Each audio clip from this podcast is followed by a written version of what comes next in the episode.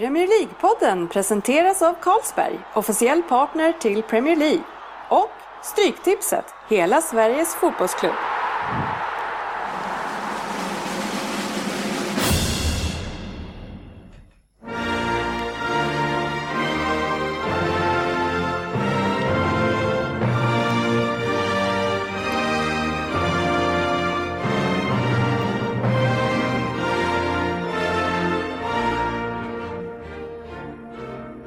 Här är Premier League-podden, fansens podcastmagasin om Premier League och den engelska ligan. Här har ni agendan för nu vårt 44 avsnitt.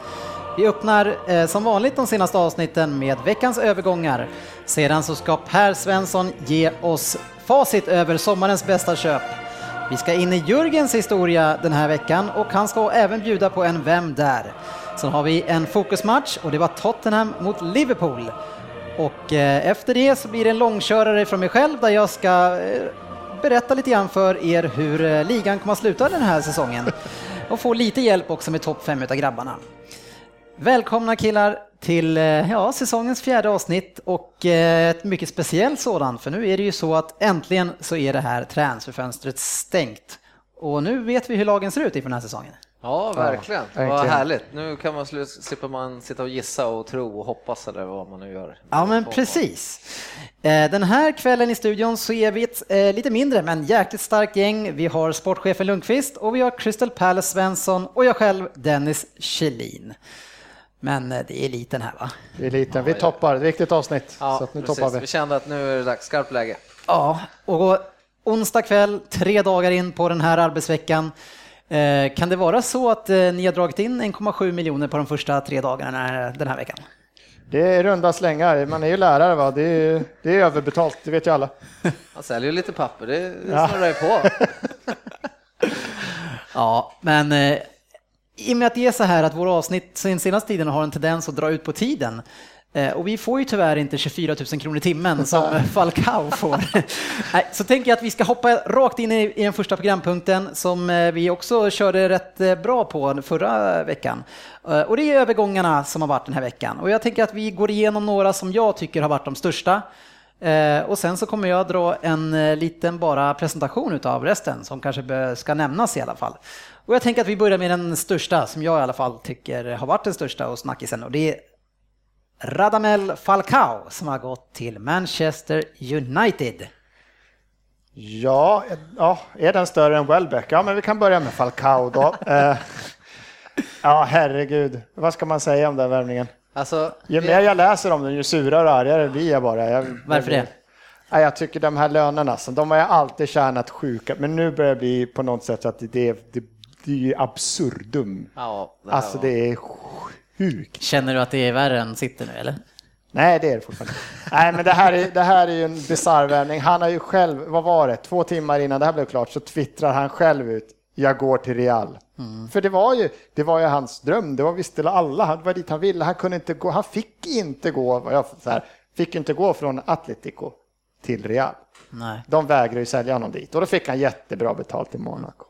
Och sen öppnade sig läget. Nu ska jag gå hit, han skulle liksom få le allting och sen bara ringer en agent. Eh, du får tre gånger mer betalt, eller det vill säga jag kommer tjäna jättemycket om du går till United istället. Nu är agentmannen igång här. nu såg jag att han löste upp, han kände igen. Ja, ja, ja, Hur, hur, många, hur många procent har hans agent? eh, han, han har nog bra. Ja. Alltså men om vi det ser, är sjukt. det är helt galet och, och nu fick ju Real, fick ju Chico istället va? Ja. Ja, Hernandez. Så att jag vet inte vad de, vad de kände. Bytet men, men alltså det är, väl, det är väl häftigt för ligan självklart att han kommer, Falcao. Det får vi ändå Precis. säga. Ja, det sen, men sen vad jag vill säga att här har vi suttit nu i Ja, är det åtminstone två avsnitt tillbaka och bara tjatat om vad är det United behöver? Vad är det United behöver? Ja, vad är det de går och köper? Varför lyssnar de inte på oss? Nej, men jag säger det, slå Jag på. Jag undrar van Gaal har väl varit i Barcelona en sväng. Alltså han tänkte, vad, vad var vi bra på? Så här, men vi, om vi anfaller hela tiden, då ser de inte dåliga backar vi har. Så om vi har jättebra gubbar framåt, då behöver vi aldrig försvara oss.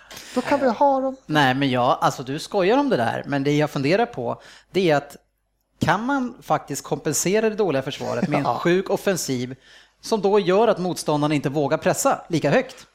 Ja, ja, jag vet. Om Di Maria, Rooney, Falcao. Eh, Van Persie. Ja, men ja, kanske inte van Persie. Jag, ser inte, jag kan inte lägga in han i samma gäng Samma än så klass. länge. Men om man ser dem stå där uppe, ja men då kanske man inte vågar, eller? Men om vi ser lite, om vi, nu är inte det alls samma sak kanske, men, då, men om vi ser lite Liverpool förra året då. Mm. De släppte ju in en jäkla massa mål. De var ju ri, ganska risiga hemåt, alltså kan man ju ändå säga. 50 baljor Ja, släppte men vi in. eran sämsta back Ja. hade fan varit lagkapten i Jo, Uniteds jo, ja, backlinje. precis. Jag säger inte att det är den klassen, men alltså det kanske är lite det. För Liverpool var lite så att det spelar ingen roll, vi släpper in en eller två, vi kommer Mm. göra fyra idag ändå. De, de kan ju hamna i det flowet och få det snurret framåt och då, då kan du ju ändå... ja, Men vi har ju lärt oss att så vinner man inga ligor. Nej, Nej, precis. det har vi Det lär vara oss. så efter 3-1 mot... Lite historia i alla fall. För om vi, vi glömmer pengarna för, för en sekund, det är ju fruktansvärt att det är... Ja, men jag vill poängtera, om vi glömmer pengarna, att jag tycker att transfersummorna i sig är inte det galna. Men för varför, de köper en varför är produkt, det, det är lönerna okej? som men är det varför är sjuka. det okej? Varför är det okej att spelare helt plötsligt kostar en miljard och Nej, liknande? men en miljard är bisarrt, men säg upp till 4-5 miljoner, för det är det som sa nu när... 4-5 miljoner? Ja, Fyra... men- Tyst. Alltså klubben i sig, klubben som säljer, de säljer av sin liksom, publikdragen, det är den som tjänar pengar åt klubben. Det är stjärnorna som drar publik. Liksom. Men vänta nu, pratar du om Monaco som har 8000 per match på Ja, men i stort, inte Monaco. De, de var inte ens åtta, de var fyra och ett halvt eller någonting. Nej, det är Ja, Frankrikes Häcken. Ja, shit. Så att det kan jag tycka, men det är att de tjänar de här pengarna som är mm. bisarra, för det är en produkt och lagen i sig, som Real, liksom, de köpte in James för sjuka, det tog tre och en halv timme eller någonting, sen hade de sålt lika mycket tröjor, så att de pengarna fick de tillbaka direkt. Liksom. Det där var väl lite snack om det, det där var ju bara den faktiska försäljningssumman. Sen Ja. var det lite kostnader där i försäljarled. Ja, men själv, så- själva, ja, ja. Så att det tycker jag, men det är lönerna som har, det är äckligt. Alltså. Jag, Ja. tycker, jag, kan ju tänka, jag kan ju tycka att även transfersummorna har stegrat. Liksom. Är en kille verkligen värd de här pengarna? Nej, Ja, och se på United vad de gör med Shaw och Herrera, såna här spelare som de bara skickar sjuka pengar för. Alltså, de här unga, liksom, obeprövade, det är, ja, jag vet inte fan om jag tycker 1,7 miljarder har man spenderat det här fönstret United. En hel del, men den här killen i alla fall, Falcao, han gjorde 41 mål på 51 matcher i Porto, han gjorde 52 mål på 67 matcher i Atletico, 9 mål på 17 matcher i Monaco och 20 mål på 50 matcher i Colombia. Han kan göra mål i alla fall. Han lägger väl så här så någon 08-085 i snitt i sin typ professionella karriär. Liksom. Mm. Han är nästan ett mål per match. Ja. Sen har han ju varit skadad, så jag, Ja, men- han är 28 nu. Ja, han är alltså. 28 och det, 28 och lite skadebenägen. han har haft tre, det här är hans tredje knäskada som han precis har haft, så då förstår inte jag. Van det är- Persie har mycket att snacka om. Ja, Men jag är lite nyfiken på det här låneavtalet. Finns det någon, jag funderar på så här, lånar man honom för att han då har den här historiken att man är lite rädd? För att det kanske är så att eh, han går sönder igen och då får man lämna tillbaka honom? Eller? Du som är inne i agentsnacket, hur, hur, hur eh, ja, alltså, nej, det är jäkligt svårt. Men har inte det att det kommer in något med de här äh, FP-regler och att det är liksom, jag vet inte. kanske hade blivit för mycket pengar. För Ja, att det är för de mycket pengar. De har spenderat en del och att de skjuter fram det. Ja, Eller att det bara det. inte gick att Nej. lösa. Jag vet inte hur långt kontrakt han sitter Fast på. jag, jag kan ju hålla med Dennis lite där. Det, det, det kan ju vara en ganska sund tanke om det är så som vi säger nu att fan ändå, tre Mm. Knäskador och så går han sönder. Okej, men han är ju på lån. Vi, skeppade, bara- vi torskade 70 miljoner på det, eller vad ett år kostade. det. Men. Men det, är så här, i- det kostar 70 miljoner att låna någon. Ja, men det är ju en, det är en ny, ny trend. Det är ju det här fönstret. Det är jättemånga spelare som blir utlånade, stora spelare, som jag tror för, för ett, två, tre år sedan, de skulle aldrig i hela sitt liv finna sig i att bli utlånade. Alltså en stor spelare för Falcao, ja, men vi lånar ut dig år. Jag, jag tror det kommer bli ännu vanligare säkert. Alltså. Ja, ja men för, Ja. för att kringgå och flytta, alltså det här är ju någonting som Milan däremot har gjort i åratal nu. Sen de tappade ekonomin så har ju de bara jobbat på det här sättet. Så det är väl de andra nu som tvingas nu följa efter i och med att summorna stegras så mycket. Man får sprida ut där. Och avbetalningsplaner helt enkelt. Eh, ja, vi lämnar han och så ska vi in till Pers eh, Ja. storvärvning här. och det är Danny Welbeck som har gått till Arsenal, den United-fostrade talangen. Och han gick dit för cirka 180 miljoner tror jag och signat för fem år. Vad säger vi om det Per? Du får börja. Ja, alltså i våran lilla interna chatt här så, så jag gick och la mig när det liksom började bli klart. För jag var ganska upprörd för det ryktades mycket. Det var ju Falcao och det var, liksom, det var bara stora namn och så, så landade vi i Welbeck. Och då blev jag först, jag blev fruktansvärt bara besviken. Men sen när det liksom fått sjunka in lite, om, man liksom, om vi glömmer att det är Welbeck, vi glömmer namnet Welbeck, så har vi köpt en 23-årig landslags, även om det är England, han är ändå landslagsforward och har varit ett par år han, eh, när han fick spela för en två år sedan, var riktigt bra liksom. Sen det vi, inte, vi har inte köpt en 20-målskille, utan det vi har köpt en kille som förhoppningsvis ska bidra med så mycket djupledsspel och så mycket rörlighet som, som vi inte kan få av Giroud, så att vi kan liksom få, ja, men, få ett bättre anfallsspel. Men vi har inte köpt en kille som kommer sluta på 22 mål och vinna någon skytteliga.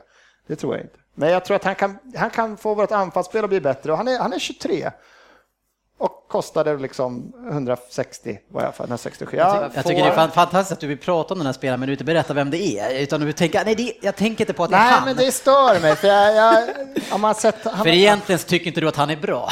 vad säger, jag hade väl haft du? någon annan, det är jag, jag hade väl haft någon annan. Ja, vad säger sportchefen? Nej men alltså jag tycker, jag tycker väl ändå att han, han, kan, han är ju ändå ung kan vi säga då hyfsat. Ja, vad fan, är, en ung har någon potential att bli bättre? Ja, nej, men jag tror att han, jag ska, jag ska säga, jag tyckte att han var som bäst när han fick spela forward. Så att säga. Jag tycker han har blivit ja, misshandlad var... i United. Ja, alltså, på det var... sättet de har, de har spelat honom, det tycker jag. Det. Så att det ska bli jäkligt intressant att se nu då om Wenger vågar spela honom som toppforward. Liksom, att det här, nu ska du lira här.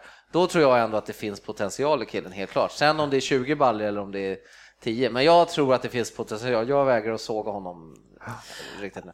Alltså jag, jag, jag är inte rädd för att såga den här killen. Nej, det, det har vi förstått. Men jag kan ju säga, alltså Per han har ju sågat han också, han vill inte ens säga hans namn utan han tänker bara på hur gammal han är, att han har spelat i landslag, men han vill Nej, inte tänka jag, på att det är Welbeck. Jag, jag är jätterädd att det är Men han målar upp det här fina ja, Men, men om, om, vi säger så här då, eh, jag tror ju, och där kommer vi komma in snart, att United och eh, Arsenal är direkta konkurrenter om den här fjärde Champions League-platsen. Eller ja, Champions League-platsen i alla fall. Och jag har ju svårt att tro att en så stor, eh, ett så stort lag och förening som United inte kan tänka några steg framåt att Arsenal, de har enorma forwardsproblem. Det är bara Sanogo de har. Ja, men vi tar Welbeck som vi tror på kan bli bra och säljer till Arsenal helvete heller. De tänker att det här kommer inte förstärka Arsenal, så därför kan vi släppa honom. Ja, men det är klart att de inte säger mm, det här kan bli den nya Lionel Messi, vi säljer honom för 160 miljoner. Det är klart att de, de har inte ens spelat honom, så de tror ju inte på killen. Nej, det är precis. klart, annars skulle de Och de säljer en landslagsvård för 160 miljoner. I mm. England, vad fan, Luke Shaw, han har inte vård, fan torr bakom öronen, han gjort en säsong och går för 325 från ett Southampton. Fast han är ju lovande. Så han, ja, men han borde, en landslagsforward som är 23 år, i, i alla fall ett topplass, de går ju inte under 200-250 miljoner. Så att de tror ju uppenbarligen inte alls på honom. Nej, och sen också när de plockar in en kille som tjänar lika mycket som åtta Welbeck, de måste göra något åt sina löner. Han säga. kunde de ju lasta av och han hade väl ett hyfsat påskrivet kontrakt. Han var ändå landslag, han tjänar säkert ja, ingenting jämfört med de andra, men de Nej. blev av med löneposter, det var de tvungna att jobba. Liksom. Dels så, är det, dels så är det konkurrensen, de ser ju inte att han kommer få lira där han vill lira. Han har lira, han är ja. lång och trogen tjänst, han vill lira fotboll, ja. kanske inte riktigt på Fast det skiter man fullständigt jo, i, i vad det gäller det Champions League-platsen. Så jag, jag, jag, jag, enda jag kan tänka mig är att de tror inte att det här för, att Nej, förstärker Arsenal alls. Eh, så som jag ser eh, Welbeck, då ser jag, han är en djupledsspelare med ett bra steg och sliter. Men max hyfsad funktionell teknik, Eh, och ganska svagt skott, dåligt avslut, tar inga bra avslut. Eh, men jobbar hårt. Men det jag ser då, då, i de här matcherna som man har haft problem Arsenal, man har blivit bakåttryckta, ja då behöver man en spelare att spela upp den till, som man har haft problem med Jurod, som kan ta emot bollen, hålla undan de andra tills man har kommit upp och lägga ut, en target helt enkelt.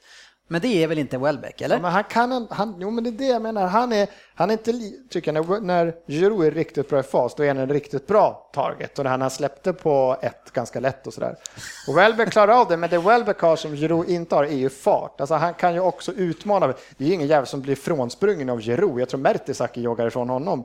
Men här har vi en kille som, som kan utmana med fart och han kan komma och det, det bygger vi anfallsspelet på. Så jag, jag förhoppning, jag vågar inte säga men att jag hoppas. Men om, men om man ska ha en spelare på djupled, då känns det som att det borde man kunna skola Sanchez till att springa rakt fram Sanchez, och Walcott också. Ja, men han är ju mer allround. Sanchez är ju, han är ju en fartspelare. Här, jag tycker han är klockrent i Arsenal-spel. Han är ju en... Ja, ja, vad ska du ja men han, Welbeck är ju mycket mer allround. Så vi kommer inte få 20 mål. Men han, han kommer inte göra Messi-dribblingar. Han kommer inte stå där som någon Tseko ta mot boll. Han är ju en allround-forward, men han frågan har mer är, speed. Frågan är ju vad han kommer få lira, Welbeck, om han ändå ja, hamnar ute på en jäkla kant. Liksom. Ja, när, när Sonogo fått sina chanser och uppenbarligen så tror vi inte på den här lilla costaricanen där uppe. Det är klart att han kommer att få han, spela. Han kommer ju få chansen direkt. absolut. Det är han som kommer. Han fick ju fem år nu. Det är, han ska ju få Ja, han chansen. kommer att få spela, Ja, absolut. men det, men det Han jag tror problem, också. det problemet också tror jag det är när man möter lite eh, sämre lag så backar ju de hem väldigt mycket mot Arsenal. Mm. Och då, då blir istället hans teknik ett problem i de här små ytorna. Och där, kan man, där är ändå eh, Giroud varit ganska bra på små ytor och sådär och med ett hyfsat avslut. Och, där, och han är inte speciellt aktiv på huvudet heller, Welbeck. Så jag, Jag tycker det är svårt att säga, för sista ett och ett halvt, två åren så är det ingen här, inte han själv har ju gjort mer än 20 minuter i någon match tror jag.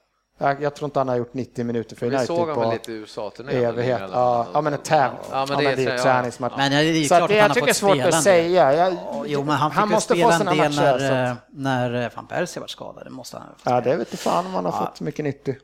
Jag tror att det här kan bli en, en flopp. Eh, Fan vad oväntat. Ja, och det tror ju du också, du vill inte ens säga hans Nej, namn. jag, tror, jag är orolig, men jag tror på killen. Men eh, vi kan vara överens om att det var en uppgradering från Sanogo i alla fall. Ja, herregud. Ja, det var det absolut. Så det behövdes ju absolut. Ja, den, ja, det var en nödvändig värvning. Och, Och vi kan ju st- st- stänga det här snacket om att Ramben Farpesi ska eh, operera sig. Det är, Ja, det fick vi det är höra. borta nu i alla fall.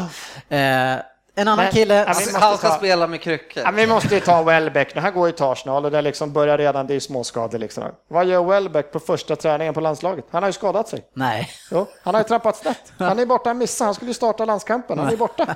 Han missar den. Han är jävla foten. Jag läste det, jag alltså. bara, jag dör. Men Det är Han, han, sant. han ville komma in bra i laget, inte visa. ja. En annan kille som eh, har lämnat Premier League, men det är bara snabbt avhandlat som jag tycker är så tragiskt och det är som du sa, här- Hernandez som har gått Real. Men jag menar, alltså, är statusen på klubben så viktig så att man väljer att hela sin jäkla karriär bara spela 10 minuter i varje match? Så tråkigt. Han var ju så enormt lovande när han kom verkligen från eh, Mexiko liksom. och, liksom, och så gör han så här. Ja. Nej, det var jättelänge det var snack om varför får inte han starta varje match? Mm. Alltså de skulle bli bättre med honom liksom, att han ska ju spela och så fick han på sig. Och nu så väljer han bänken liksom. 66 landskamper, 36 mål. Det är ju det är ju bra facit. Riktigt Ja, bra facit. En sån kille ska ju lira han spelar ordinarie inte, han spelar inte ens någonstans. landslaget längre. han spelade Det är 90 helt, minuter. jag håller med Dennis, jag, jag, man blir bara tragiskt. ledsen när man gör sådana karriärsval som bara är helt så här, vad, vad håller du på med liksom? Ja. Att inte han Det väljer måste, gå ju, till ett det måste ju vara någon statusgrej bara. Ja. Ja. Att inte han väljer gå det till Madrid, och pengar, liksom. pengar, pengar, pengar. Ja, men pengen kanske Det också här med var typ enda klubben han kunde gå till, välja en bänkplats alltså, och, ha en, och fortfarande typ tjäna mer. Det skulle inte förvåna mig. Men du vet att han tjänar mer? Ja, han tjänar. Jag har hört det. Det, är tragiskt, jag håller med. Snart, kommer du tro att du är agent. Snart kommer jag vara Nej, agent. snart kommer de börja ringa honom de, de tror att han är agent. Du hörde ju mycket om det här. Sista spelaren är ju en av de här många som faktiskt vi pratar om som har nobbat Arsenal eh, och det är Loic Remy som har gått till Chelsea och det är också en kille som inte vill spela så mycket då tydligen.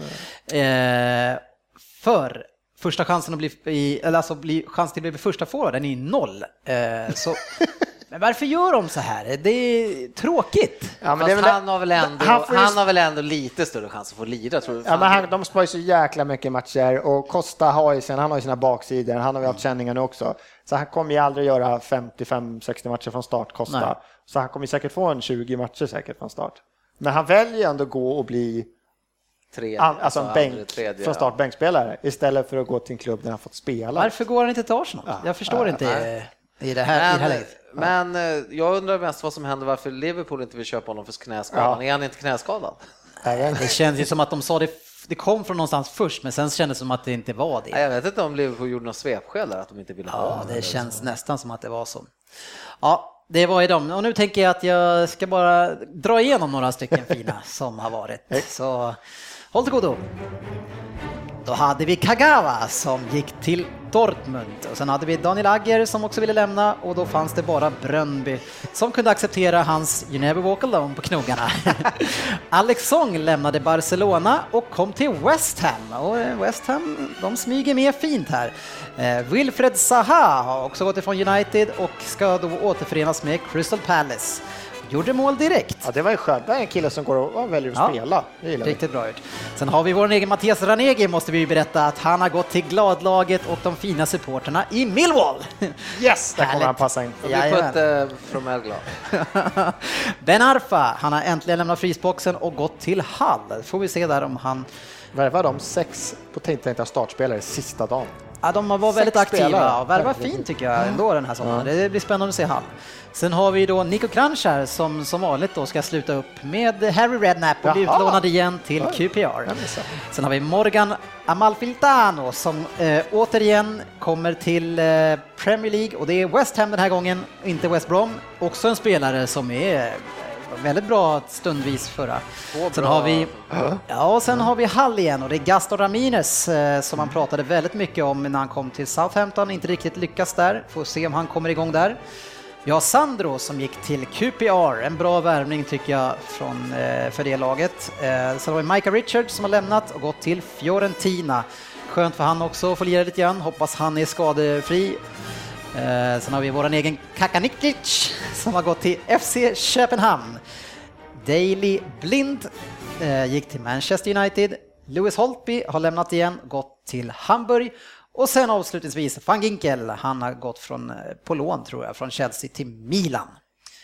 Yes, Också konstigt, van Ginkel, han är, jag har inte sett så lite men det pratas Han ska ju jättemycket jättebra. liksom. Han är Ja. the next big thing i världen. Och så.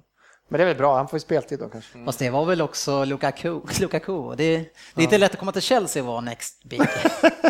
Du ska ska vara the now big thing när du Ja, kommer vilka dit. har jag att möta? Vilka, vilka tampas jag med? Upp på tårna va? Ja. Nej, nu är det så här. Nu är, har vi haft så tidigare avsnitt att Andy har fått gjort en lista över, över sommarens bästa nyförvärv, men nu är ju hela fönstret stängt.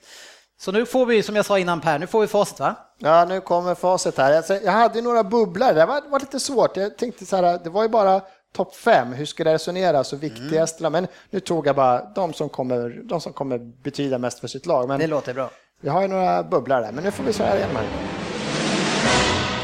Nummer fem. Balotelli för 16 miljoner pund från Milan till Liverpool. Jag tror han kommer innebära, om inte han står för de här 15-20 målen, så man kanske kommer han innebära den här avlastningen eller den här fokuseringen tas från de andra, för det är en kille man måste ha, se upp med. Det syntes direkt i första matchen. Han kommer betyda mycket tror jag för hela Liverpools anfallsspel. Liksom. Om Rodgers får igång honom, vilket tror han kommer göra, så kommer han betyda mycket för en sån som eh, de andra parvlarna där uppe som Sterling och de här små pojkarna. Att ha en Yes. kille som han. Vi kommer in på det på fokusmatchen sen tror jag. Ja. Nummer fyra. Sanchez, Sanchez för 30 miljon, 39 miljoner pund räknas till Arsenal från Barcelona. Och eh, anledningen till att jag tar med honom överhuvudtaget egentligen att han redan nu har liksom återbetalat sitt värde genom att skjuta dem vidare i Champions League. Alltså bara det målet visar att det här är en, det är en riktigt bra värvning av Arsenal och så fort han kommer igång, nu har han varit kall i början här kanske.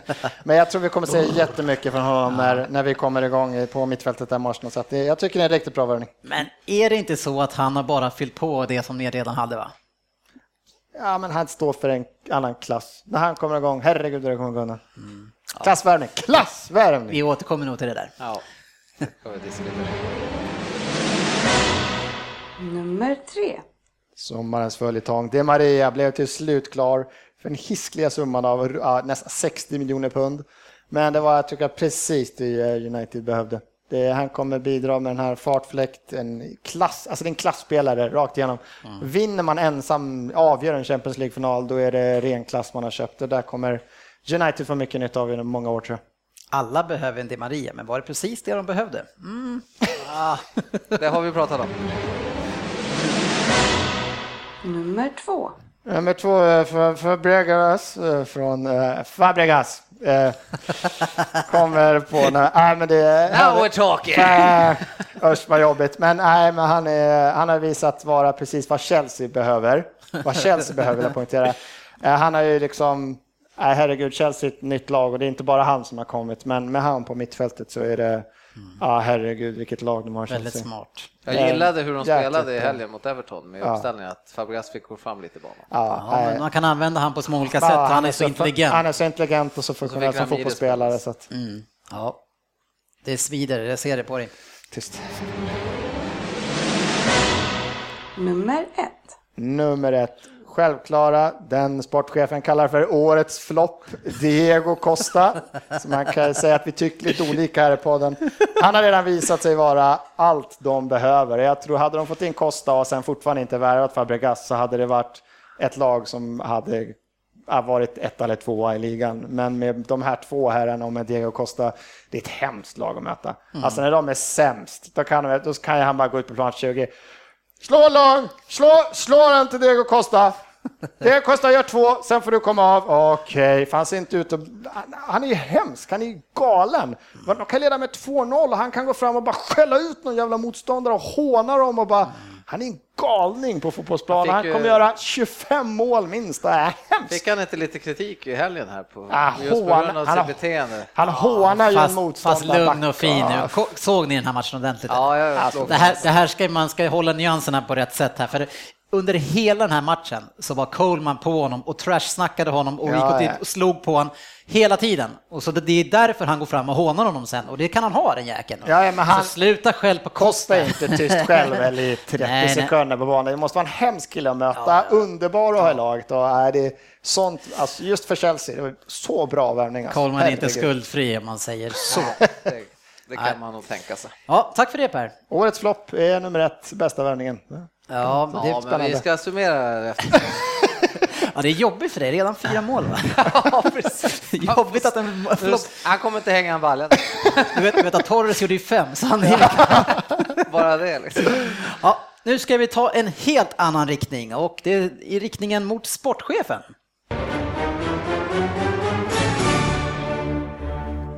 Jürgens historia. Jajamensan. Eh, ibland händer det ju att man får äran som eh, sportchefen här i gänget att eh, ha en historia för sig själv. Och jag ska inte ha någon åtta minuters historia tänkte jag, men vi ska försöka korta ner det här lite idag. Så vi kör väl igång. Den här veckan i Jörgens historia då tänkte jag vi skulle gräva i det klassiska Tips-Extras historia. Alltså det klassiska program på Sveriges Television som antagligen gjorde att vi överhuvudtaget tittar och har ett sådant intresse för engelsk fotboll idag.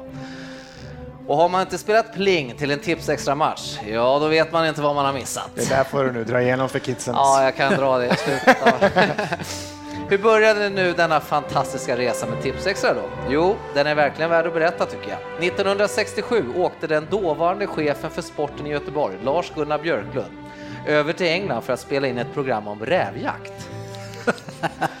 Men redan efter ett dygn i England tvingades man ställa in filmspelarna då all rävjakt förbjöds på grund av att mul och klövsjukan härjade i Storbritannien. Tur för alla oss svenskar då bevisligen, för Lars-Gunnar han är en idrottsintresserad man så han gick på fotboll istället. Han drog iväg till London och satte sig för att se Tottenham-Chelsea i London. När han satt där så insåg han snabbt att detta var ju något för Sverige. Varför inte visa en match varje lördag klockan fyra? Det konkurrerar ju inte med något annat och speldagen för övrig sport i Sverige ofta var söndagar. Och håll, skulle man hålla sig till månaderna november till mars så stör man inte heller allsvenskan, täckte den mycket smarta Lars-Gunnar. Sagt och gjort, han tog med sina idéer och visste ju att Norge och Danmark hade liknande förhållanden som Sverige, så att de ville ju han ha med på skutan för att sänka kostnader säkert. Tillsammans med danska televisionen då och NRK som de så fint heter i Norge så rodde han hem ett avtal som skulle kosta dem 1500 dollar per match fick de betala. Ja. Det var inte så mycket pengar. ja, fast på den tiden. Ja, precis. Det var nog mycket, mycket inflation. Och Sverige då fick av en konstig anledning, varför har inte lyckats gräva för, fick betala själva då 850 dollar per match. Så att de fick betala mer och både Danmark och hälften, Norge. Alltså. Så att jag vet inte Sveriges förhandlings hur det gick ah, till. Kanske mer eh, invånare sådär. Ja, de kanske räknade så. Mm. Men den 29 november 1969 var det äntligen dags för premiären i rutan. Jäklar, så länge sedan. Wolverhampton Sunderland skulle visas. Oj. Och eh, Wolverhampton är ett klassiskt tipsextra-lag som många tycker. Och den slutade mycket riktigt 1-0 också till Wolverhampton. Och målskytten, ja vad hette han? Är det någon som kan det i sällskapet? Nej, glömt det. Hugh Curran ja. hette han, ja. som gjorde det enda målet. Ni som minns Tipsextra vet ju att även det visades eh, travsport i sändningarna eh, som man tyckte att vad är det här för någonting? Eh, men det har ju säkerligen också hjälpt till för den sporten också. Och varje säsong avslutades Tipsextra ofta med att de sände ligacupfinalen då från Wembley Stadium. FA-cupen. En rolig kuriosa i det här var ju att då engelsmännen själv, de kunde minsann inte se engelsk fotboll på TV förrän 1983 då Match of the Day hade premiär. Man fruktade helt enkelt att folk skulle stanna hemma istället för att gå på fotboll. Och så är det ju även idag. Det är Ja, därför man inte... En lördagsmatch sänder man ju aldrig live. Nej, vi har ju pratat med vår Englandskorrespondent Marcus Kristensson om det här och han säger Ja, ja, men sluta gnäll om att ni bara får se två matcher på lördag. Vi får inte se någon. Nej, precis. Ja, det är sjukt. Vart ju ramaskrin över VS Play där. Men allt roligt har ju slut brukar man säga. 1995 tackade SVT nej till att sända Tipsextra, eller till att köpa mer matcher då.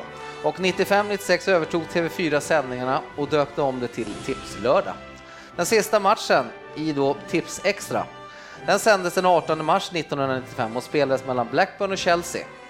2-1 vart slutresultatet och målskyttar i Blackburn, en viss Alan Shearer och Tim Sherwood. Det var det året Blackburn vann va? Och i Chelsea gjorde någon som heter Mark Stein. Åh, fin kille. Bra. Jag kollade lite på de här slaguppställningarna. Chelseas slaguppställning var lite rolig. Jag hade nästan tänkt att rabbla upp den. Den var rätt rolig faktiskt. Det fanns en del Den var billigare då. Man Den var billigare, mycket billigare då kan jag säga. Eh, lite statistik på Tips Extra. Cirka 420 direktsända matcher. 77 olika lag har figurerat i sändningarna. Liverpool och Man United har figurerat mest. 65 matcher vardera fick de. Tips Extras skyttekung. Ian Rush, 15 mål i direktsända matcher. Det sätter Några- han högt på sin lista tror jag. Ja, ja, ja. Och sen var det någonting om att han har gjort fem fa Cup mål också i livesändningar, men det tog jag inte med. Så. Ja, du tog väl just med det? Ja, nu sa jag. Och avslutningsvis, eh, några programledare genom åren. Lars-Gunnar Björklund då förstås, han var ju den populäraste utav dem alla. Eh, Bo Hansson, Ingvar Oldsberg och Fredrik Belfrage var lag. Eh, var Men vänta nu, Lindeborg?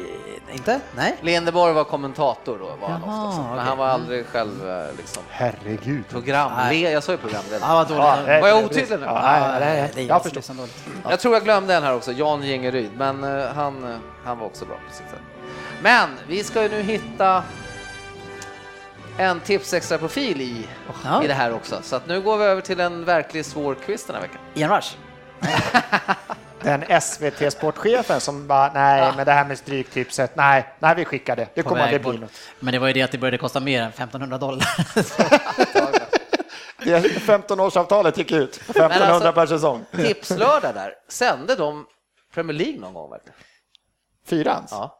Kanske bara var Championship. Fan, jag får mig de sände. Championship. Ja, det där ska vi ha sagt. Ja. Vi ska ju som sagt in i vårt quiz och först måste vi berätta poängställningen. Eh, Vi tar väl bara vi som är här tycker jag. Och det är Crystal Palace, du har 5,33, inte stokigt, och jag har 4. Så eh, det är att jag ska vinna det här tycker jag. Ja. Jag känner pressen på mig. Det är svårt.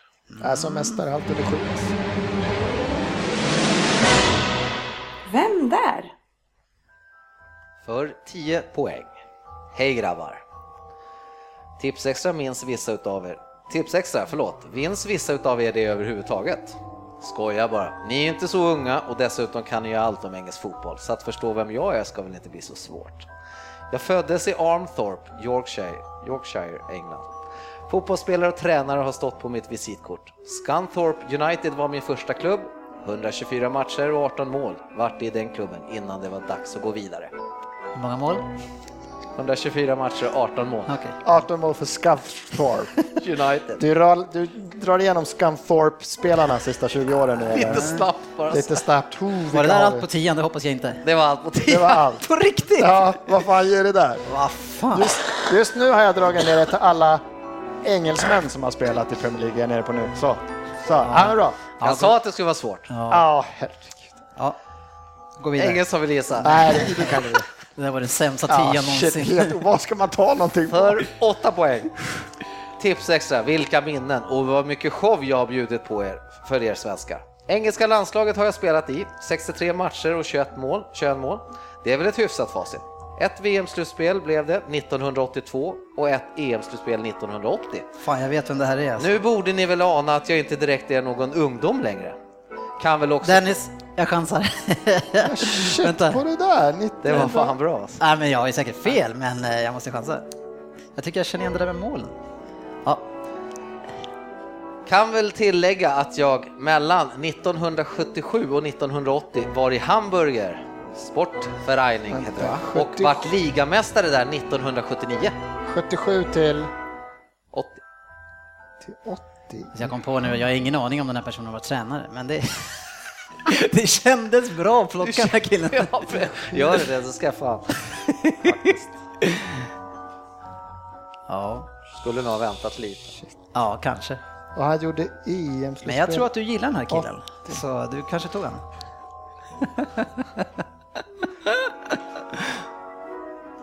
Ja, du får ändå inte gissa på den här nivån Per. Nej, vi tar, du, får, du kan ju höra det här tror jag. Ja. Efter min tid i Skantorp så gick jag till denna klubb och var, och var den klubben trogen mellan 1971 och 1977 och vart också en legend där. Vilken härlig tid! Mästare 1973, 76 och 77. Nej, jag tror FA-cupen 74, Uefa-cupen 73, 76 och Europacupen för mästarlag 1976. 1973 är inte sportchefen född då. Steve Highway, Emmeline Hughes var två av mina lagkamrater. Ja, okej, jag kan säga att jag har tvärfel. Ja, men jag, Min kille är 80-talskille. 80-talskille, han va, spelade landslaget 80-82. Har du tagit en kille som är född på 80-talet? då? Nej, han var aktiv och bra på 80-talet. Herregud. Idiot. Eh, Kör vidare, han har ingen aning. Kör! Nu tror jag kanske att... För fyra poäng. Men efter Hamburg var jag runt lite. Southampton mellan 80 och 82. Newcastle 82-84. Och mål fortsatte jag göra i varje klubb jag var i. Men 1985 la jag skorna på hyllan och 92 tog jag mitt första tränaruppdrag och var kvar där till 1997. Förlåt. 1998-99 tog jag mig an Fulham, men år 2000 var det dags för det engelska landslaget. Men det vart bara ett år där bara. Kan det vara han? Jag vet inte. ja, men det är den där mittbacksidioten va? Nej! Ja, jag ska inte Nej, säga fan så någonting. mycket mål kan jag inte gjort. Äh, fan vad jag Nej, är. kör för två poäng. Två poäng. Nej herregud, när, blir, när var det fem sekunders betänketid helt plötsligt? Bara för du har gissat helt jävla... Landslaget i ett år, fan kan jag inte ta den. Stå stilla. Du, du, du, du, du. Tyst nu. Nej, nu kör Nej vi. fan kör, fan skit alltså. Kör. Manchester City tog över 2001. Tänk om jag hade haft de pengarna då de har nu. Oj, då hade jag ju kunnat fixat ett mirakel. Var kvar där till 2005 för att ta över Newcastle igen, men det gick ingen vidare nu heller. Nummer sju är en siffra som förknippas med mig. Daglish var min anfallspartner i Liverpool bland annat. Men vänta nu, har jag rätt ändå? Eller? Nej. Eh, Så, eller? Ja, min, jag min kille har nummer sju tror jag i alla fall, men det känns Jag som att är han är helt... är du helt borta? Det På den här också? Nej, jag, jag, jag, nej, men min, min känns som att han är lite för... eh, Ja. Per, du har ingen, eller hur? Jo, eh, Men vi, vi kan inte se, vänta hela programmet på att du ska gissa. shit. Nolla på dig också. Men fan. Jag, Ah, där tro, jag trodde du skulle sätta på lands. Du brukar vara bra på Ja. landskamper och landslag och grejer. Jag tror inte jag har rätt, men nu säger är jag. Jag tror att det är Peter Beardsley. nej, Nej. det är det inte. Nej, han är det är han, Men han hade nummer han var ju? City med man. Det är ju han City tjock- måste du kunna. Nej, jag, Att du hade inte bara hållit nej, jag på har inte, jag skrev det. David Platt. Han var i City i alla fall. Kevin Keegan. Kevin Keegan. Fan, är han så? Jag tror det var innan Ja, det. men Newcastle. Nej, det där var dåligt. Jag ber om ursäkt alla mina fans där. Ja, det var dåligt av dig, men det var bra quiz. Jag, framförallt gillade jag 10 poäng. Nej, men det, var, det, det, var, det var det svåraste överlägset, men göra dem svår är inte så svårt. Det gör den... Ja, men sen ska ni ju nästan... Ja. Kevin Keegan, det är ju verkligen en tips extra profil. Ja. Ja. Jo. Nej, det var klurigt. Ja, jag var helt... Jag var inne, Nej, jag på, trodde- jag var inne på Chris Waddle ett tag, men sen landslag. Han var inte så dum gissat. Men det var lite Han hade, tidigt för hade inte han nummer sju? Jo, Ja. men han var ju mer 80 Jo, jo, jag sa ju att 80-talet. han var-. Ja, Han så borde tagit han var det på fyra poäng. Tränare där. Det var dåligt. där. Ja, det var dåligt. Där trodde jag nästan att det Ja, den där, var, den där gjorde du med flit med svår så att Ja, vi ska tappa. omöjligt. Jag tyckte det. Nej, jag jag året. 10 poäng. Ja, men ni, har väl koll på? Ska... Herregud alltså. Han har gjort sitt kan jag säga. Veckans fokusmatch.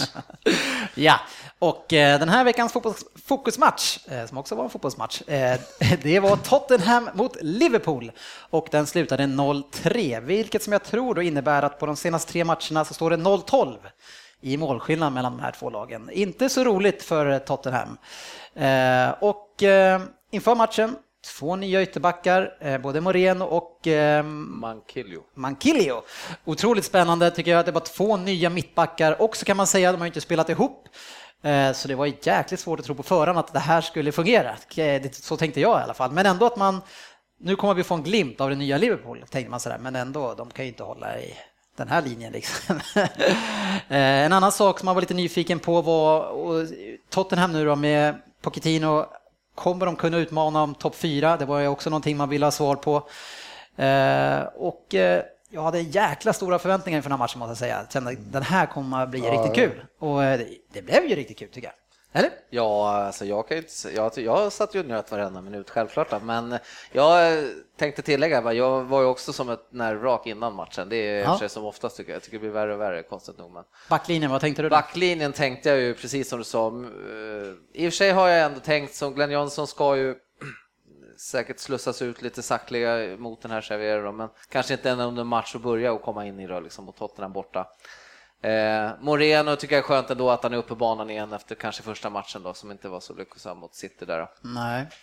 Eh, och sen har jag ju gillat Saku eh, så att det skulle bli spännande tyckte jag att se honom mm. där. Mm. Att, eh, ja. Men jag var lite nervös, absolut. Eh, in i matchen eh, så har vi ju då Balotelli som gör sin stora debut. Nej. Och eh, redan i andra minuten så är han, alltså han får en jättefin nickläge men nickar tyvärr rakt på. Men eh, Tänk om han hade hängt den alltså. Det var nästan som man trodde att han brydde sig i den här matchen. Det var, jag har aldrig sett det tror jag. Det såg nästan som att han faktiskt brydde sig. Ja, det, det var, hade nog gärna velat hängt den där. Nej. Men det hade varit en dröm, det hade varit för ja, mycket nästan. Alltså att det... Ja, och han har ju igen i 30 minuten så har han ju också ett fint ja. läge på nick. Eh, men Tottenhams försvar, det övertygade ju inte, kan man säga. Herregud, jag tycker som sagt jag var orolig inför matchen. Tottenham har enligt rapporter sett jäkligt bra ut. Mm. Svensson, eller Eklund, förlåt, har ju typ hyllat dem som att nu, nu, här går vi hela vägen all in och sen Lamela liksom, det är ju nya Guds, Guds ja. spelare liksom. Men jag var inte alls, usch, det var en riktig besvikelse för mig Tottenham. Ja. ja, det blir ju 1-0 redan i sjunde minuten och då är ju Liverpool då som rullar upp Tottenham på högerkanten. Henderson tar en fin löpning, spelas fram av Sturridge och sedan så kommer ju snabbe Sterling på bortre och lägger in den mm. behärskat. Eh, ja, de som såg via Sats, de tog upp det. Jag tycker det vackraste är, det är Sturridge bollbehandling där innan. Han fintar och går in i banan och någon, jag ser inte ens, det är inte som någon 17, han bara gör någon kroppsfint och sen börjar han förbi liksom på yttersidan. Jag tycker mm. det är klass. Alltså. Mm. Ja, det är riktigt fint.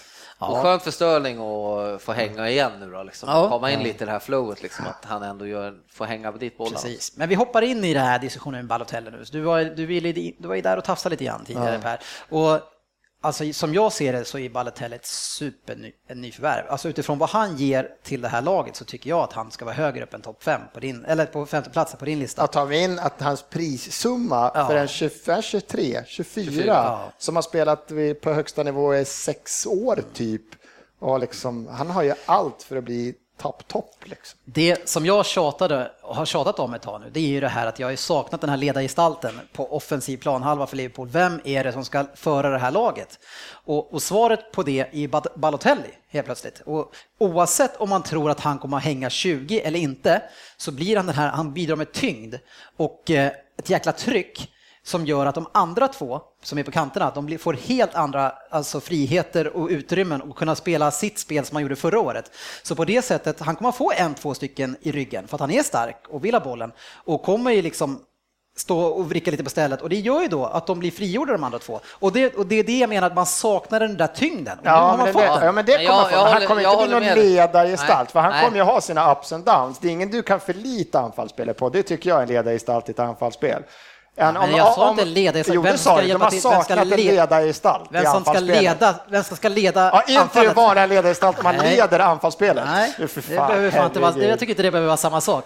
Nej, Utan jag... man, man saknar den där tyngden och han som tar på sig eh, ta det där ansvaret som Luis Suarez tog. Ja. Eh, jag håller med dig, det är helt riktigt. Jag, jag, så hade inte jag, jag måste erkänna, jag hade inte riktigt tänkt så innan. Liksom, så mm. Men sen när man tänker på det så det är ju genialiskt, liksom, för mm. det är som du säger, han drar ju på sig folk. Mm. Han kommer ju, de behöver ju ha gubbar på honom. Ja. Folk bryr sig om vad, vad är han på för humör och då, mm. då hamnar fokus inte på Sterling, Sturridge, Coutinho eller vilka nu det handlar Nej, inte lika mycket i alla fall. Inte lika mycket i varje fall. Och då får de mer yta. Ja, Så det- På det sättet så är det ju kanon. För det var det, det- det, var det som verkar som. Milan trodde att de skulle få så här, nu kan vi bygga anfallsspelet. Det Ja, gör, nej. du bygger inte ett anfallsspel runt Balotelli. Däremot har du Balotelli och fart runt omkring för han drar på sig. Mm. Och det räcker med att han gör en, en eller två sådana här genialiska grejer. Det kommer hända saker Mm. hela tiden.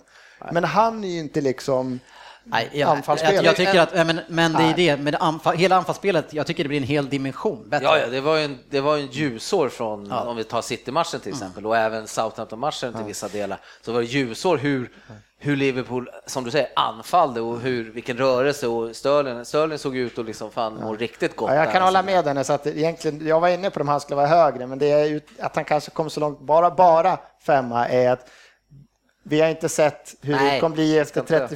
35-36 matcher. Han kan, han kan vara 15 matcher då han har, sitter i fängelse för att han skjuter raket på en toalett eller någonting, så är han borta liksom. Eller? Men det verkar jäkligt lovande kan man ju Ja, men, säga. ja, men precis. Oh, ja. En risk med en sån här spelare, det är ju, han, jag tror att han är en sån ver- verkligen som går på liksom, alltså, motivation i början, att då går han verkligen på alla cylindrar.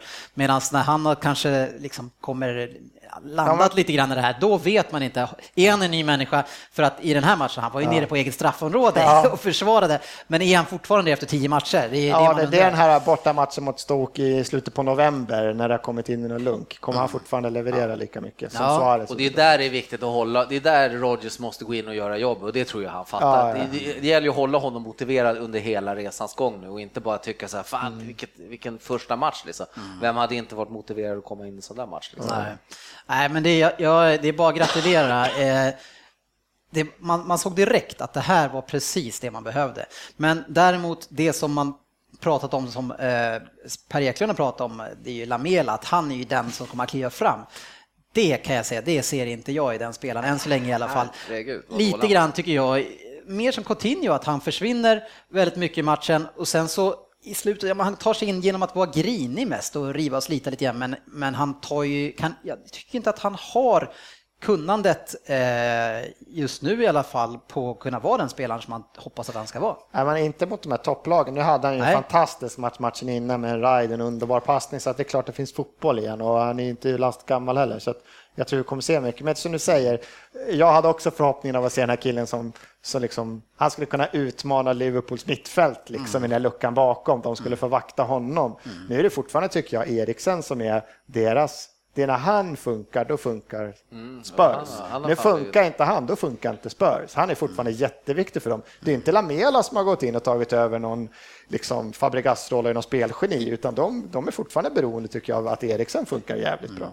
Och han var, funkar inte Eriksson har ju flyttat ut till höger och om man ska prata om den personen som kom in och ersatte Eriksen så kan man ju pr- prata om någon som har alltså dippat Townsend. Vad fasen har hänt med den här Han människan? Han var som allt. en gud. Men alltså när han kommer in, för det första så ger han bort bollen direkt så att Ja. eh, Moreno gör ett fantastiskt mål.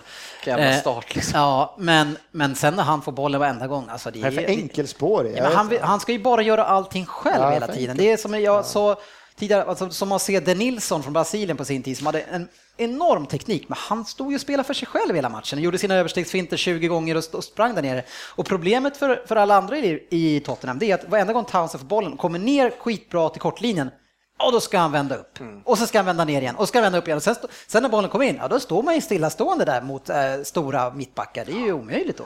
Alltså det är ju jättekonstigt en sån där kille som vi tyckte då när han slog igenom det. Fan då när han utmanade och kom in från kanten, skar in och bara drog. Men nu blir det ju bara fel liksom. Han, han fördröjer ju hela deras Och anfallsprocess sen är, liksom, och jag tror, ja det är väl nu så här klyscha, det är som mot alla lag, när man liksom, men att möta till just Liverpool i år och hamna i underläge, det är fan inte roligt tror jag. Alltså den farten som de kan ligga och bara vänta in och känns det som de bygger på ännu mer när de har flyttat in den här katastrofen Gerard längre ner i banan. Får han stå stilla och spela fotboll och leka Beckham, då är han ju bra. Ja. Då är han riktigt bra, men fan, Och där kan man prata om Lamela den här matchen också, så han, han gjorde ju inte jobbet tillräckligt bra på, på Gerard heller, så Gerard fick ju i den här matchen fick han komma upp lite Ja, ja. längre. Han fick ju vara för det. Ja, precis. Eh, Han tog han lite grann då och då, men det räcker ju inte. Nej. Det går ju inte att släppa honom. Nej, för Allen och Henderson ser inte jag som någon spelgenier. Det är, grym, det är bra fotbollsspelare, men det är Gerard som är liksom Fast jag tycker, Allen, jag tycker Allen har tagit sig Ja, bra. det alltså, känns som att han är verkligen- Han Han har höjt sig. Han har höjt det säger inte bra, mycket från tycker jag. förra året, att Alltså, han har höjt sig. Det ja. var fan tvungen Nej, att. Han Ja. avslutade säsongen bra förra året också faktiskt. Nej, honom så- börjar nästan, kanske, kanske att det, han är lite liten då. tyvärr. Men jag tror för, Ja, alltså, fortfarande den, den farten som Liverpool kommer, även med Henderson från Ja, mittfältet och Störlingar, ligga under mot dem efter 10, det var liksom, ha, vad hade vi för matchplan nu? Nu är det Men jag, jag skulle säga att det är Balotelli, det är Balotelli-effekten. För att nu när han kom in, nu känns det som att vi har, alltså det är som att Liverpool har inte haft den här pausen. För man såg exakt lika bra ut som man gjorde i, i slutet av förra säsongen med den speeden man hade där. Det var så jäkla bra drag på Sturridge och Sterling och alla egentligen. Och så nu har man dessutom två fantastiska ytterbackar. De måste vi ju lyfta. Moreno var ju fantastisk. Ja, Vilket Moreno jäkla drag alltså. fan- komma tillbaka som Skönt att han debaclet. tillbaks, alltså. Ja, för det var en rolig match att kastas in i direkt liksom.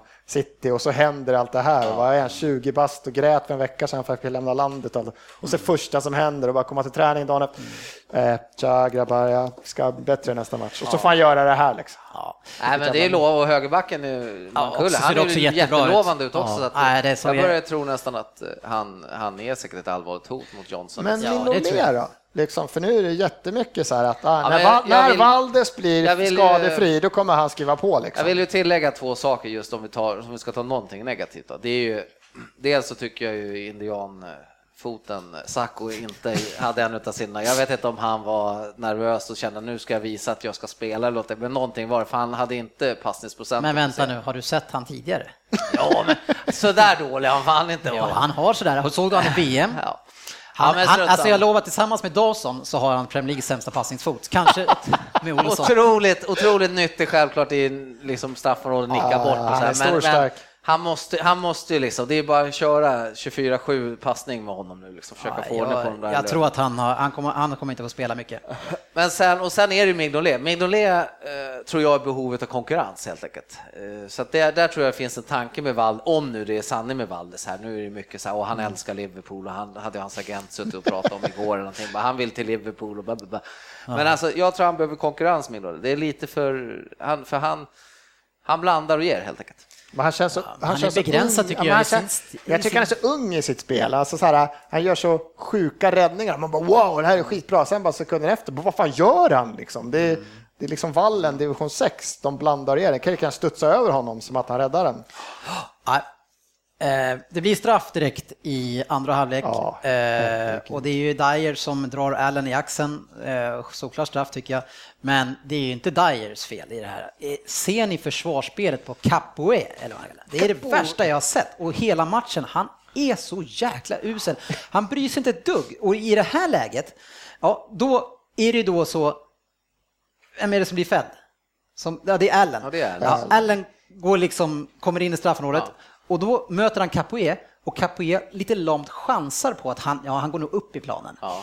Och så bara, nej men han, när han gick till vänster mot målet, närmaste vägen, nej men då, ja okej, och så då kommer ju Dyer efter och tvingas liksom Ja, att reparera ja, det här. ja. Han- han- Vi ska inte alls nämna straffen som att, som att det är en...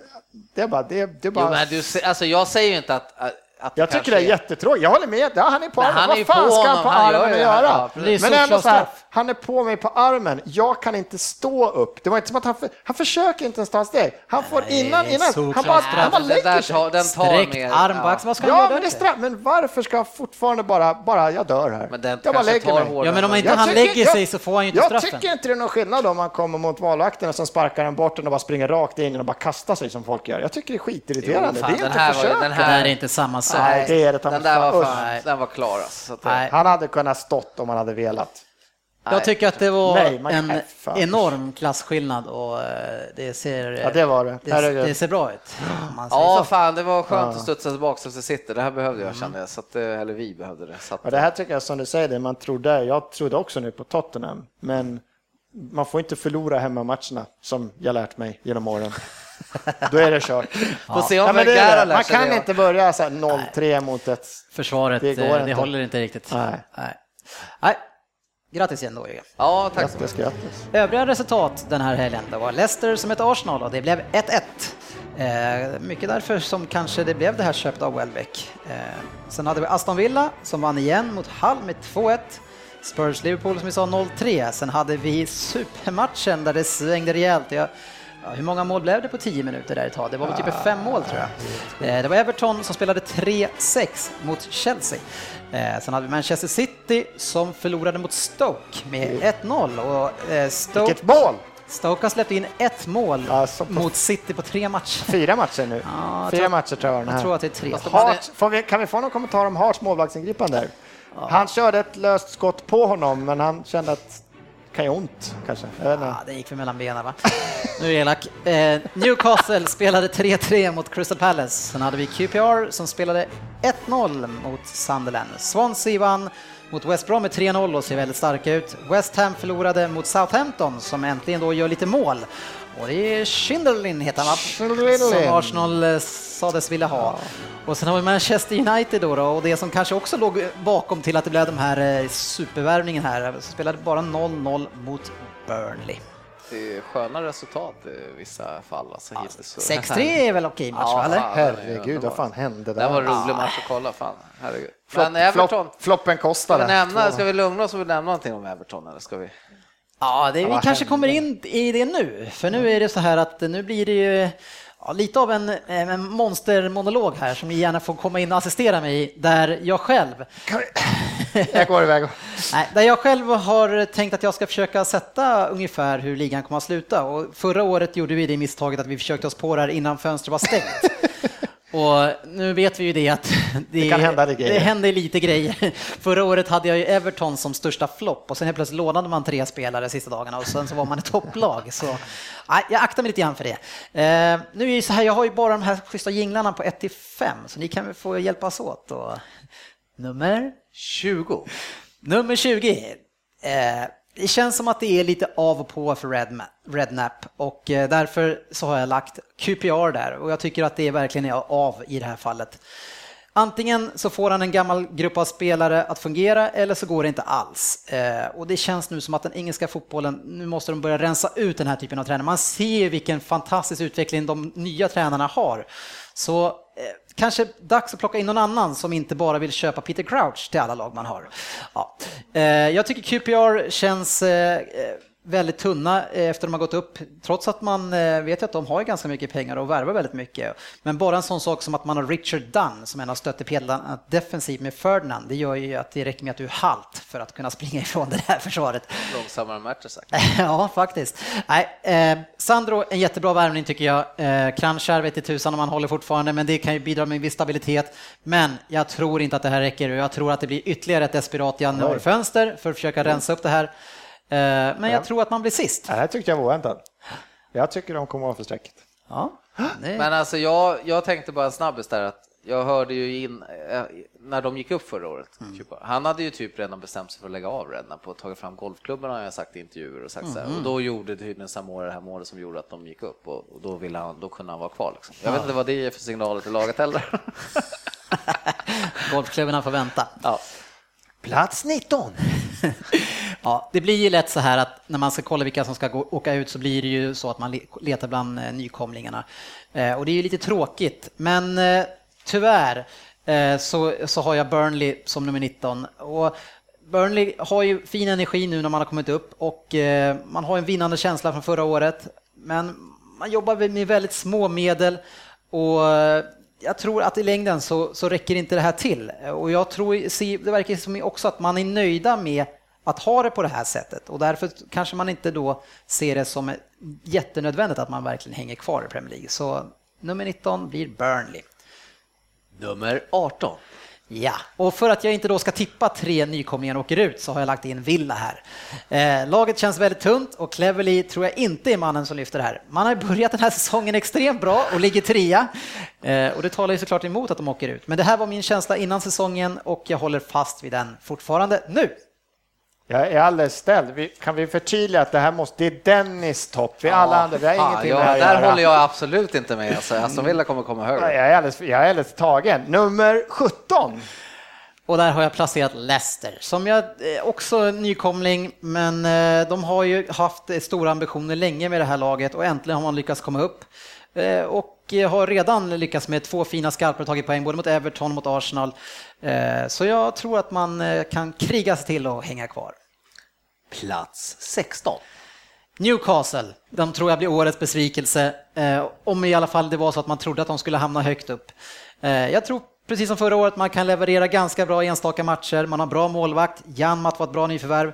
Men jag tycker att det här bara ser ut som ett franskt legionärsgäng och de har inte hjärta för att kriga i 36 omgångar. Eh, och som vi vet att mycket av de här problemen kommer från ledningshåll där man inte ger bra signaler till den här spelartruppen. Och jag undrar också vad den här Pardew, vad han har för eh, status nu i omklädningsrummet också med spelarna.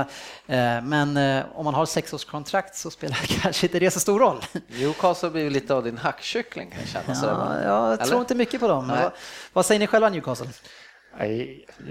Jag är alldeles tagen här, jag vet inte vad jag ska säga. Men, men, men Per, nu, sitter du i Aftonbladets lista och kollar vad de säger Nej, för att vi, du ska kunna säga emot. Vi försöker hålla reda på vart vi är någonstans i den här tabellen.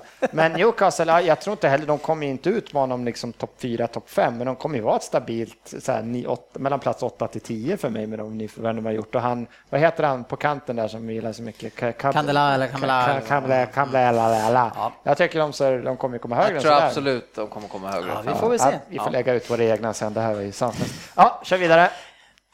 Plats 15. Crystal Palace. Eh, Tonys anda tror jag finns kvar i det här laget och det är Pulis han har fått det här laget och spelarna i sig att tro på sig själva och eh, numera så är Shamak en självklar target eh, och det är även andra spelare som tar flera steg framåt. Eh, jag tror också att man kan faktiskt utmana om platser ovanför 15 men Eh, som i många av de här lagen så är det lite frågetecken kring bredden i truppen och man är ganska beroende av Shamak. Så... det kan inte vara roligt. Ja, jag tycker ändå de... Eh... Nej, men han har alltså, höjt sig. Han har höjt sig. där är... måste jag säga också att jag, jag, tror tyvärr att de kanske kan få lite jobbigare och sen blir jag så ja. jäkla less på det här bakåtsträvande med coachvalet de gjorde också, alltså mm. med den här Warnock. gamla Warnock. Alltså, jag, vad, är, vad är problem att hitta någonting mm yngre eller någonting, alltså någonting annat. Alltså det finns ju, det har man ju sett med Rodgers som kom, han kommer från någon League 5 från början. Liksom. Ja, det måste finnas intressantare tränare. Liksom. Mm. Ja. ja. Plats 14. Tack. West Bromwich. Ett lag som jag tycker är svårt att placera in. Man har ett par nyförvärv i Varela och Lescott. Men jag tror att de här lika gärna kan hamna nere i nedflyttningsstriden. Eh, man kanske kan störa lagen som är precis under toppen, men annars tror jag att man får det svårt. Eh, tycker det är svårt, men eh, ja, 14 blir man då. Plats 13. Sunderland. Jag gillar verkligen Poirier och jag tycker det känns som att han har en jättebra balans mellan kravställning och hur han motiverar sina spelare, i alla fall utifrån vad man ser på intervjuer. Och det känns som att han han får med sitt lag och han får dem att liksom tro på sig själva i alla lägen och att man kan vinna alla matcher. Man har ju sett dem mot United borta här nu. Och, ja, och nu har han ju fått eh, ett år på sig att sätta sin egen profil på det här laget. Och jag tror att han kommer att störa ganska många nu. Eh, och det som var ett stort problem förra året i mittmittfältet, så nu får vi se om Rodwell kan vara någonting som kan förändra det här. Ni tror ju själva mycket på honom och tjatar på att inte han får chansen, så nu är ni väl glada att han får spela, eller? Med, med ett fantasylag. ja. Plats 12. Hall.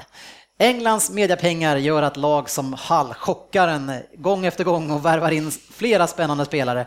Eh, man hade ju redan en väldigt stabil grund att stå på med ett väldigt fint passningsspel. Så tog man in Snodgrass väldigt tidigt från Norwich som passar in jättebra där också, en stabil och bra spelare. Och på deadline day så plockar man in lite spetskompetens. Eh, ben Arfa till exempel. Jag, jag är i och för sig ingen som är någon jättefan av honom, men eh, det känns som man både har bredd och spets nu i Hall och det bör man då kunna hamna ganska högt upp. Mm.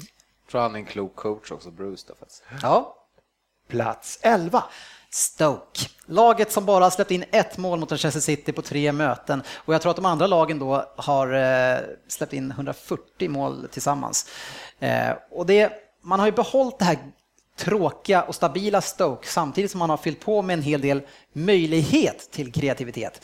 Men det är ju fortfarande så att de ställer ju upp med de här jävla Jonathan Walters som Helen på kanten och spelar de här tråkiga jäklarna trots att de har bojan liksom. Man bara, vad fan. Precis vad jag tänkte också. Ja, nej, men det här är ju ett mycket bra lag som kan störa alla lag i Premier League, inklusive Chelsea, för att de bryr sig inte alls om hur det ser ut när de spelar. Till skillnad från ett lag som till exempel Arsenal som har ett spelsätt som är liksom, man, man är inte man är inte fåfänga helt enkelt. Eh, och jag tror att man kan hota högre upp i tabellen också, men eh, det fick bli en elfte plats. De är lite lik eh, det här gamla Wimbledon som var uppe och här kommer Winnie Jones och grabbarna. Alla hatar dem bara, men kunde inte spela, men de... Ja. Plats 10. Southampton.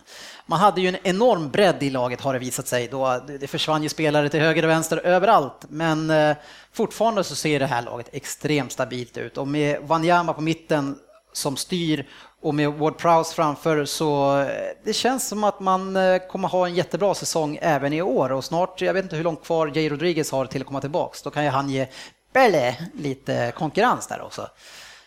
Så jag tror att de kan klara sig på en topp 10. Plats nio. ja, West Ham. Och det här är en liten chansning att sätta de nia. Eh, det är inte på grund av att det är Big Sam som är en fantastisk manager, men det känns som att vindarna sakta, sakta börjar blåsa för Hammers. Och faktiskt efter storlagen så känns det som att West Ham är en attraktiv klubb om man inte kan komma till de bästa. Och något som då bevisar det, det är ju då att Alex Song kommer till det här laget, en spelare som säkert många lag skulle vilja plocka in. Men han väljer alltså West Ham. Och med det här nya eh, arenan som är på gång så tror jag att West Ham de kommer att smyga, smyga, smyga och till slut kommer man eh, kanske vara uppe bland topp Vad heter han, Argentina där som håller på nu? Han är fan skön alltså. Alcaraz? Nej. nej, nej, fan heter jag tappar, nej men de, ah skitsamma. Jag tycker också de ser intressanta ja. ut. Det finns, potential där. Yes. Men jag ville bara fråga varför eh, varför, Sarate. varför Sarate. inte Sång, var han aldrig aktuell för Arsenal? Ja, inte någonting. Borde inte det vara en def mitt Arsenal? Men är det inte det där eh, Fabrikas, man får inte komma tillbaka? Nej, just det. det är Har man svikit laget, då kommer man inte tillbaka. Går du ut genom den där dörren? Då kommer du aldrig tillbaka igen. Plats åtta. Ja, och där har vi Everton. Och det är ganska svårt tycker jag det här året att förespå Everton, för att de kan faktiskt bli allt mellan 4 och 8. Men jag tycker att det är väldigt stor risk att en Europa League-sjukan drabbar Everton i år och man har inte riktigt den här bredden för att klara en Europaturnering och prestera lika bra som man gjorde i England förra året. Man har hamnat i en grupp med både Wolfsburg och Lille. eh, Lille menar du? Han uttalar det konstigt, sportchefen. Ja, men mycket fin första elva, men jag tror inte att det, det blir tufft för dem att hålla i hela säsongen. Vad säger ni? Ja, det är kul att på plats åtta är vi överens. Det tog ett tag, men faktiskt. vi är faktiskt överens om det någonting. Ja, en bra placering. Nej, men jag tycker de har börjat lite oroväckande dåligt faktiskt med den här inledningen och sen måste de få igång eh, Roman Lukaku så fort som möjligt. Göra lite mål. Romelu heter han. Romelu, jag vet inte vem Roman är. Fast han köptes av Roman. Ja. Abramovic. Plats sju. Ja, och här har vi Swansea och, och, det är ett lag som inte har Europaspel det här året och eh, man, jag tycker att man har en fantastisk första elva. Eh, man har två starka och bra target forwards i Boni och Gomi och snabba yttrar i Dyer och Routledge och sen så har man ju då Shelby som på, driver på på mittfältet, man har kreatören Sigurdsson framför, man har även Key som eh, verkar ju blomma ut ordentligt här efter han var utlånad till Sunderland. Och sen så i backlinjen med William som frontfigur så har man ju alltså ett komplett lag tycker jag. Eh, och det här laget eh, sjua, det är möjligt att man kan utmana ännu högre upp tror jag. Och, och det här kände jag redan för eh, första gången jag såg dem, men nu är det faktiskt nu de, de är... Jag tänkte säga det, hade du det innan? ja, men det hade jag faktiskt. De, de, har, de har liksom sköna lirare, men fortfarande är väldigt bräckliga. Det räcker Nej. med att en i de här, de här i deras centrallinje borta så tror jag inte alls de kommer I min, hålla. Innan, min lista som jag gjorde, jag gjorde den här innan deadline day, då hade jag dem före till exempel Manchester United. Så det, ja, ja men det har... Jag, är, jag trodde inte alls på det här laget, mycket tack vare att de tog han Monk som tränare. Ja, men han visar sig, han kanske... Det... Bara den grejen att han typ vad är det, veckor innan han blir tränare hotar någon mittback med en mm. tegelsten. Liksom. Monkey. Så, ja, det är svårt att se honom, men ja, det är spännande. De spelar riktigt bra, fotboll. riktigt bra fotboll. Spelar. Ja, men de har ett jättebra lag. Plats sex. Ja, nu börjar det dra ihop sig lite grann här. Och på plats sex har vi Tottenham. Eh, och det Spurs-fansen hoppas det är att Pochettino då ska kunna förvalta de köpen som han gjorde förra året. Men jag tycker fortfarande att det här laget känns felbalanserat. Eh, man har Bentaleb tycker jag som ser väldigt självklar och fin ut som mittfältare, men annars i försvaret så känns det lite för tunt och eh, Liverpool hade väldigt lätt att komma igenom. Det känns som att man har ett par nivåer kvar för att kunna utmana om topp fyra.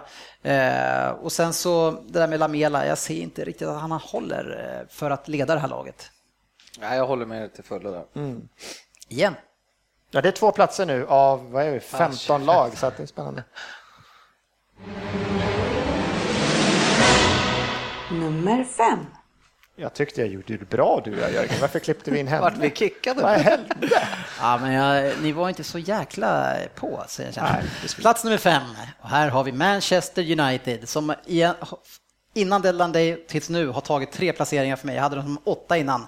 Men Eh, lite chansning kanske, men nu har jag satt dem på femte plats och eh, man har lagt enorma pengar på att förstärka det här laget och jag tror att man kommer fortsätta göra så även i januari för att förstärka defensiven. Jag menar det, mm. Ja, det måste ju komma in en mittback. Man kan ju faktiskt leda Två, ligan hela höstsäsongen för att sen komma fyra, så då kan man väl ligga också efter och sen komma fyra.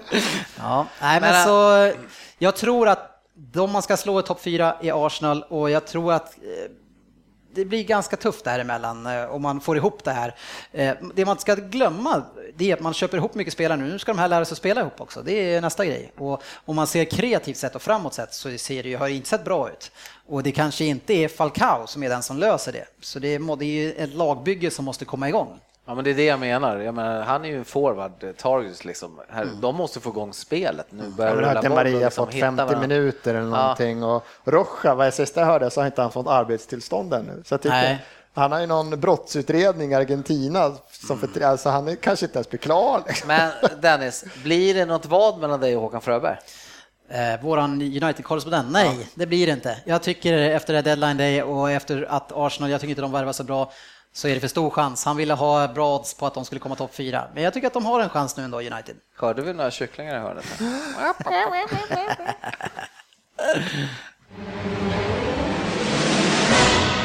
Nummer fyra.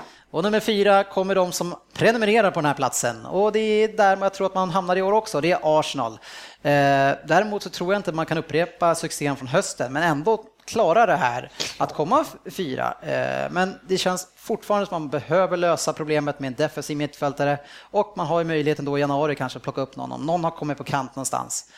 Eh, och sen så måste jag ju säga, som jag har sagt många gånger förut, jag är tveksam till Wengers eh, kunskaper taktiskt sett för att eh, ta sig an stormatcherna. Det är, varenda gång vi kliver in i en stormatch så är det någonting som känns konstigt. Han har mycket att bevisa i år tycker jag med de matcherna. Det är bara fyra, jäkligt spännande att se. Det är bara 8-9 toppmatcher. Det är ganska många omgångar, 30, 30 som du möter de andra. Det verkar eran kära lilla coach har problem med 0-1 mot Stoke. Ska vi sitta och såga nu så kan vi börja slänga åt båda håll kanske. Jag vet inte vad som är värst. Torska mot Stoke eller... Ja, men, men, tar vi sen. men Per, vilka var det som var ligan förra året? Jag... Ja, alla kan ju träffa rätt någon. Nummer tre. Ja, och som City-supporter så hade nog de flesta trott att jag skulle hålla City som eh, ett eller två på den här listan, men jag har Manchester City som trea. Kors i tak! Eh, City är absolut en utmanare till titeln, men det är lite tunnare offensivt det här året och nu släppte man iväg Negredo som inte eh, han trivdes inte helt enkelt i England och frun ville komma härifrån så man valde att släppa iväg eh, till Valencia. Eh, på lån då, då, som den nya trenden är. men, men, det blir ju ett, ett köp sen eh, såklart. Och skälet till att jag tror att City får problem att eh, ta sig an då de ovanför, det är att jag tycker inte att man känns lika hungriga som de andra två lagen gör. Och vi vet ju själva, även på våran nivå, att motivation slår klass när det är ganska jämnt mellan lagen. Så och återigen en jättesvår Champions League-grupp. Man har en jäkla otur med de här lottningarna. Förra året var lite lättare i alla fall, men nu, ja, fjärde, fjärde laget in i gruppen var Roma liksom. Det är inte schysst. Ja, de åker man inte ner och slår bara. Alltså, liksom. Nej, men är man enligt utsago världens bästa fotbollslag så måste ja. det bara hinka in sina 12-15 poäng och gå vidare från den här gruppen. Ja, är ni chockade över min plats tre? Nej, väldigt oväntat. Jag var helt säker Mannen helt utan självdistans prickar in sitt eget lag som trea. Det, det var, var fan totalt stort oväntat. Ja. Har du korrigerat den åter som de andra, eller hade du det från plan? Liksom var det din känsla från start? Ja, jag, jag har väl korrigerat det för jag, jag tror, alltså det är tack vare att eh, det har blivit så här för det här gänget.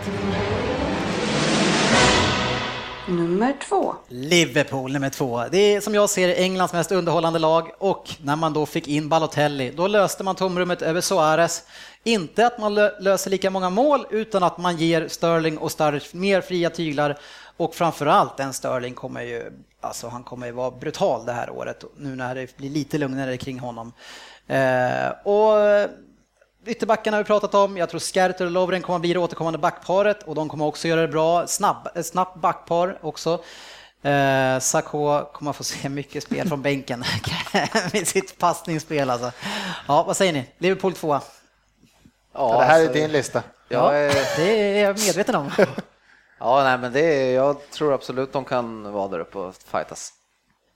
Per? Nej, nej, eh, jag tror att de kommer med, men jag, jag, tror, inte, jag tror inte lika mycket på dem. Jag tror de, de kommer vara gjutna där uppe i toppstriden, men tre eller fyra har de. Jag tror inte de kommer komma lägga det som ett eller två när säsongen är slut.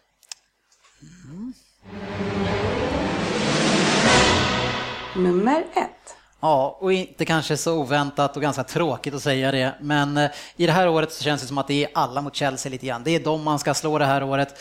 José Mourinho vinner nästan alltid andra året med sina klubbar och då när han har fått det här laget som han vill, och sen kan jag tycka det här med att man geniförklarar de här tränarna, men när de får lägga då så många miljarder på bra spelare, det är klart att man kan vinna då en liga. Det var ju som han berättade när han var i Real, ja men jag visste att vi skulle vinna, så jag satt där bara och väntade på att vi vann.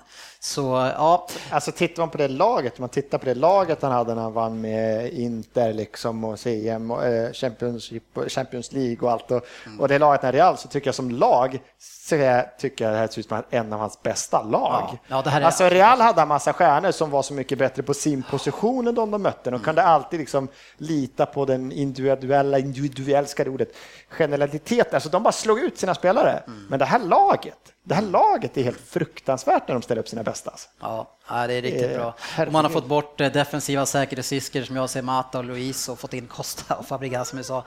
Och man har ju ligans två bästa målvakter, eh, vilket som är helt sjukt. Nej, Men när ska sen- han få lira den här Philippe Louis, nya ytterbacken? Han har ju inte gjort en match. Ja men precis, och vad heter han?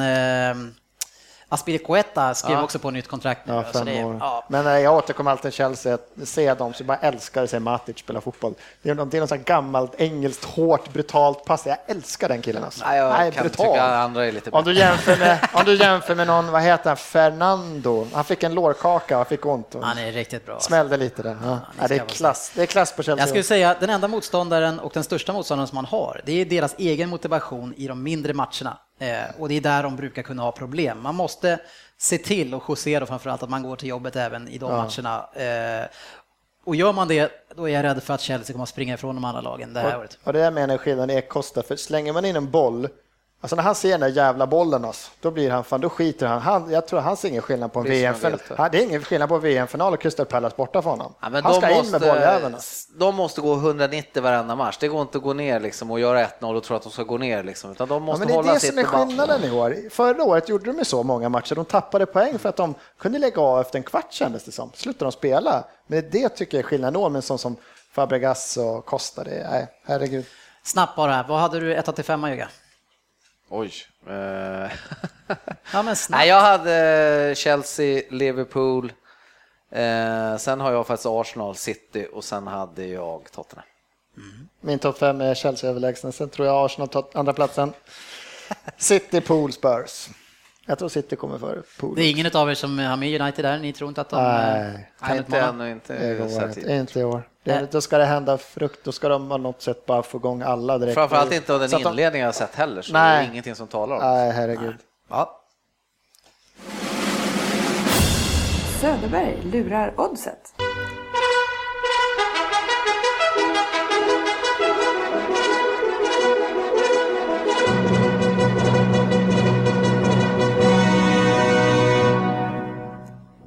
Ja, och idag har vi inte Söderberg här, men vi har ju hans namne, sportchefen här, som ska hjälpa oss att berätta hur Jörgen vill spela den här veckan. Ja, Jörgen vill den här veckan spela, han har hittat ett intressant spelobjekt igen som jag tycker. Jag tycker Är det inte hockey så är det damfotboll tydligen. det är den här veckan då FC Rosengård möter Linköping hemma. Ja. Och där vill han då spela ett handikapp eh, på en och en halv. Att han spelar en etta där. Eh, till oddset 1,98. Ska vi förtydliga du hade att Ja. de måste alltså vinna med... Rosengård måste alltså vinna med två mål eller fler för att sätta det. En etta, 1,98 i odds och han sätter 400 kronor på det. ja, den tror han på då, så det är 10 procent där i stort sett. Det ska de väl mäkta med. Jag har lite dålig koll där på damfotbollen, hur Linköping går nu för tiden. Ja, precis. Rosengård har man hört att de Rosengård är väl nya Chelsea. Ja. Det var allt för den här veckan. Eh, det är ett ganska långt avsnitt idag, men det här var vårt sista kan man säga specialavsnitt. Så nu kommer vi åt, eh, återinföra det här som vi hade mycket förra säsongen, att vi har ett par eh, fokusmatcher och eh, Per, du vill säga något? Jag tänkte säga, det är lite sant, ska vi i podden kommer vi lägga upp våra respektive liga-rang här 20 tätt på Facebook-sidan åtminstone, så får ni gå in och tycka och tänka.